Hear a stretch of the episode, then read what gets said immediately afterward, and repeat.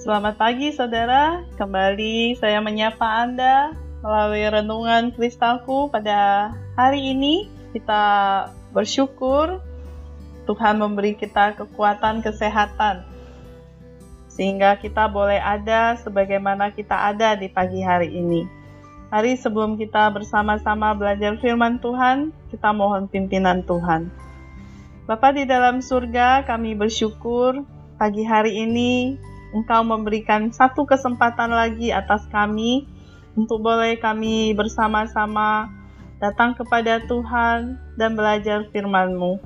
Tuhan, berkatilah setiap kami, supaya hati kami, pikiran kami sungguh tertuju kepada Engkau.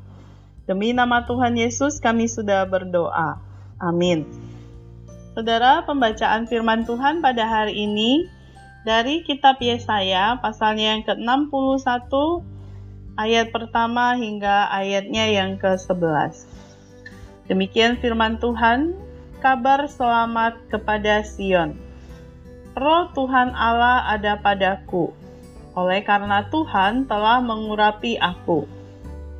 Ia telah mengutus aku untuk menyampaikan kabar baik kepada orang-orang sengsara dan merawat orang-orang yang remuk hati untuk memberitakan pembebasan kepada orang-orang tawanan dan kepada orang-orang yang terkurung pelepasan dari penjara, untuk memberitakan tahun rahmat Tuhan dan hari pembalasan Allah kita, untuk menghibur semua orang berkabung, untuk mengaruniakan kepada mereka perhiasan kepala ganti abu, minyak untuk pesta ganti kain kabung, nyanyian puji-pujian ganti semangat yang pudar, supaya orang menyebutkan mereka pohon tarbantin kebenaran, tanaman Tuhan untuk memperlihatkan keagungannya.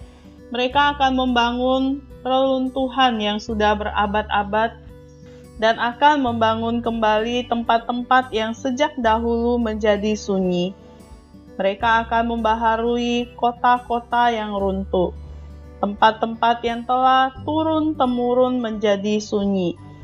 Orang-orang luar akan melayani kamu sebagai gembala kambing dombamu, dan orang-orang asing akan bekerja bagimu sebagai petani dan tukang kebun anggurmu. Tetapi kamu akan disebut imam Tuhan dan akan dinamai pelayan Allah kita kamu akan menikmati kekayaan bangsa-bangsa dan akan memegahkan diri dengan segala harta benda mereka.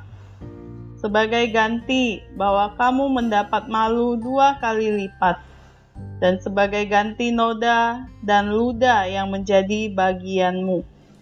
Kamu akan mendapat warisan dua kali lipat di negerimu, dan sukacita abadi akan menjadi kepunyaanmu sebab aku, Tuhan, mencintai hukum dan membenci perampasan dan kecurangan. Aku akan memberi upamu dengan tepat dan akan mengikat perjanjian abadi dengan kamu.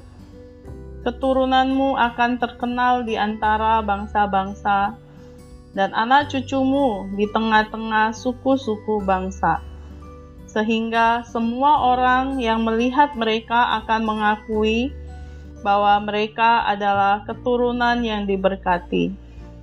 Aku bersukaria di dalam Tuhan, jiwaku bersorak-sorai di dalam Allahku, sebab Ia mengenakan pakaian keselamatan kepadaku dan menyelubungi aku dengan jubah kebenaran seperti pengantin laki-laki yang mengenakan perhiasan kepala, dan seperti pengantin perempuan yang memakai perhiasannya. Sebab seperti bumi memancarkan tumbuh-tumbuhan dan seperti kebun menumbuhkan benih yang ditaburkan, demikianlah Tuhan Allah akan menumbuhkan kebenaran dan puji-pujian di depan semua bangsa-bangsa. Sampai sejauh demikian pembacaan firman Tuhan. Tema renungan kita hari ini adalah keadilan dan keselamatan. Alkitab Perjanjian Lama banyak sekali mengkisahkan tentang hukuman-hukuman yang dialami oleh bangsa Israel. Hukuman-hukuman bagi bangsa Israel berlaku dalam berbagai bentuk, misalnya dikalahkan musuh, dikuasai oleh raja yang jahat, dibuang ke negeri asing. Hukuman-hukuman tersebut dijatuhkan bukan tanpa sebab, hukuman yang diterima sebenarnya merupakan konsekuensi perbuatan bangsa Israel itu sendiri. Meskipun bangsa Israel sering kali dihukum, namun Tuhan tidak membiarkan bangsa itu terus menderita. Melalui para nabi, Tuhan juga mengabarkan pembebasan dan penyelamatan bagi bangsa Israel. Pesan Nabi Yesaya dalam bacaan hari ini merupakan salah satu pesan yang berisi kabar selamat sebagai pengharapan bagi bangsa Israel yang sedang mengalami situasi yang sangat berat.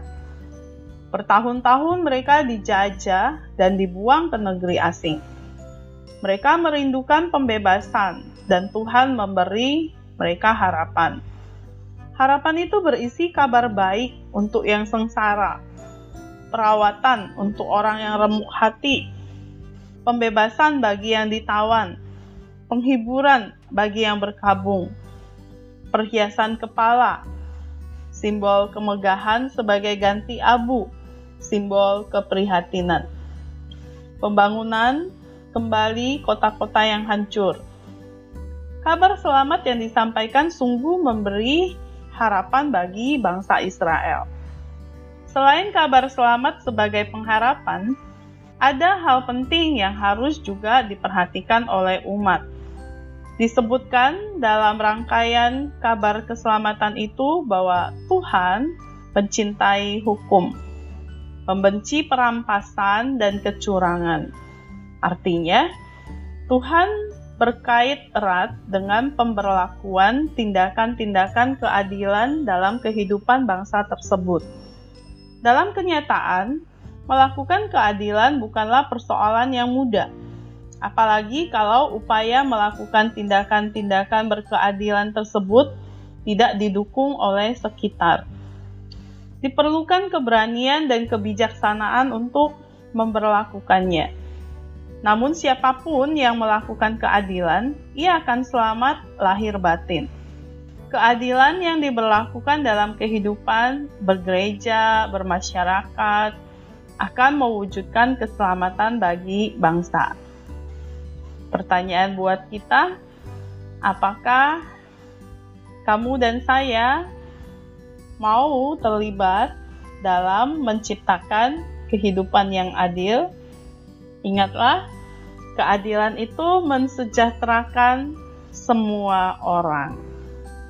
Kiranya Tuhan menolong kita mau melibatkan diri untuk mewujudkan kesejahteraan bagi semua orang. Mari kita berdoa. Terima kasih Bapa di dalam surga untuk kebenaran firman-Mu hari ini yang kami boleh bersama-sama belajar ya Tuhan.